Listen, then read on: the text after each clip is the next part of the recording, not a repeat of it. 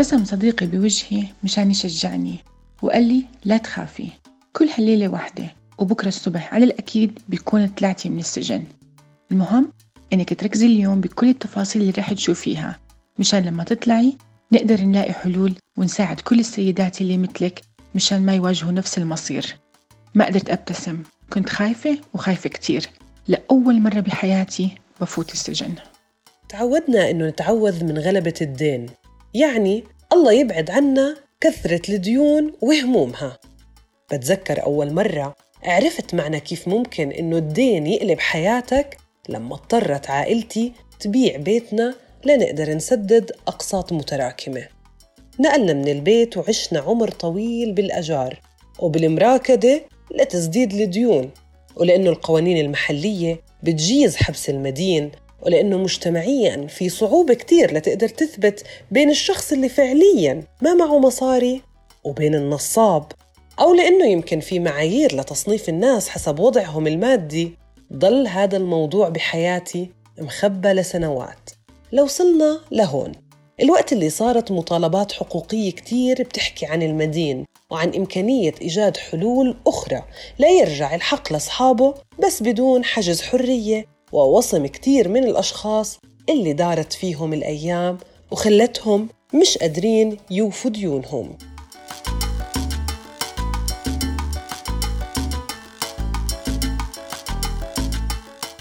أهلا فيكم في بودكاست قصة قصيرة. قديش صعب تكون ماشي بحياتك ضمن مستوى معيشي ومجتمعي معين. فجأة تلاقي حالك صرت بالسجن بس لأنه في أقساط تراكمت عليك. قصة اليوم تجربة صعبة وهي وحدة من بين نساء ورجال كتير اتهددت حياتهم عشان عندهم ديون. منال رح تحكي قصة قصيرة. أنا منال كشت. أنهيت دراساتي العليا وتجوزت بعديها. وأنجبت خلال عشر سنوات من الزواج طفلين بنت وولد. في مرحلة ما من زواجنا مرقنا بظروف اقتصادية صعبة اضطريت على أثرها أني أخذ قرض من البنك. ولأنه شغلي كان ممتاز وراتبي كان عالي ما كنا شايفين مشكلة بالموضوع هذا وكنا حاسين أنه قادرين نسدد القروض بسهولة. انفصلنا لاحقا لظروف ما وما استمرينا في هذا الزواج. كان جزء من الاتفاق أنه الأب هو يلتزم بتسديد أقساط هذا القرض. بتفاجأ بعد انقضاء بضعة أشهر وأثناء تواجدي في مجلس النواب لحضور جلسة تشريعية إنه مطلوب مني إني أتوجه للمركز الأمني لأنه علي تنفيذ قضائي ويجب إحضاري للمركز. ما بكون فاهمة شو صار لأنه أنا بحياتي ما كان علي أي مخالفات أو أي مشاكل قانونية.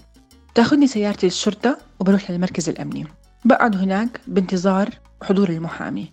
بيجي المحامي بوقع على وكالة مشان يقوم باستئناف القضية. للأسف بوصل المحامي للمحكمة في وقت ما بيكون موظف فيه موجود. ومشان هيك ما بيتم توقيع الأوراق ويتم إحالتي إلى السجن في ذلك اليوم. بعد هذا الموقف الغريب كان عند منال الجرأة إنها تكتب على صفحتها عبر موقع فيسبوك إنها بطريقها للجويدة. والجويدة اسم لمركز تأهيل وإصلاح في الأردن أو زي ما بنسميه محلياً سجن. قررت إنها تكتب البوست بدون أي خوف من الفضيحة. بعد الانتهاء من الإجراءات الأمنية والأوراق والبصمة وكل ما ذلك نوصل إلى الجويدة لأول مرة بحياتي بدخل الجويدة كنت في سيارة صغيرة مع سيدة أخرى اسمها أم عبد الله بنفوت إلى غرفة التفتيش. ثلاث صبايا بيقوموا بتفتيشنا بكل تفاصيلنا بياخدوا كل مقتنياتنا وبيحطوها في خزنة مثل خزنة الأمانات. وبعديها يتم اصطحابنا إلى مهجع السجينات. لما كنا نتابع الأفلام العربية خصوصا ونشوف شو بيصير داخل الغرفة نقول معقول في هيك سجون معقول هيك شكل السجون؟ للأسف هيك شكل السجون في الداخل. غرفة مظلمة قذرة جدا رائحة كريهة فيها عدد من الأسرة وتتجمع السجينات حول سيدة تسمي نفسها المعلمة. اللي بتحكم وبتربط وبتقرر كل حدا فينا وين بدها تقعد وكيف بدها تقعد وين بدها تنام. السجينات الموجودات في الداخل للأسف تهمهم مختلفة. أنا وأم عبد الله عندنا قضايا مالية. في سيدات في الداخل عندهم قضايا دعارة. في سيدات في الداخل عندهم قضايا مخدرات سرقة وقضايا أخرى. بتم وضع الجميع في غرفة واحدة.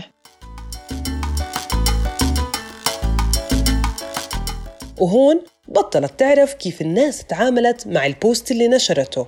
ويمكن نسيت ليش هي موجودة جوا السجن. بهذا الوقت في مواجهة مواجهة واحدة ما اخترتها ولا حتى كانت بالبال أو الخيال. مواجهة مع الليل ليل طويل وموحش. مضت ليلة طويلة جدا جدا جدا. ما قدرت أنام ولا لحظة ما قدرت أتمدد. ضليت منكمشة في زاويتي بدون ما أسترجي أحكي ولا كلمة أو أتصرف أي تصرف أو أستعمل الحمام أو آكل أي شيء ضليت متوترة من ردات الفعل من تصرفات الناس الموجودة.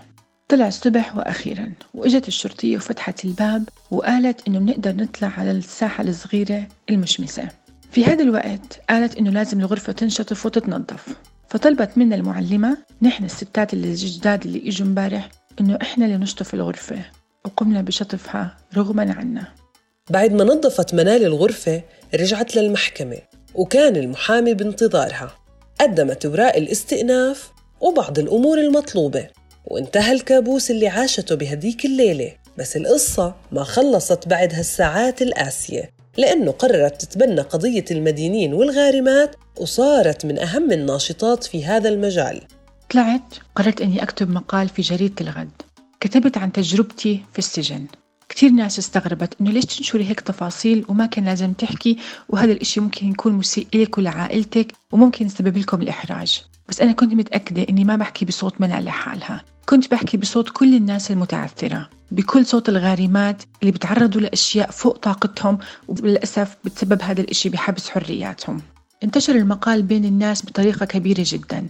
وعلى أثرها طلبوني بعض المحطات الإذاعية والتلفزيونية أني أجري مقابلات معهم للحديث عن هذا الموضوع أكثر. بلشت الدائرة تكبر وصرنا نحكي عن الموضوع بطريقة أكثر من مجرد عاطفة أو انفعال.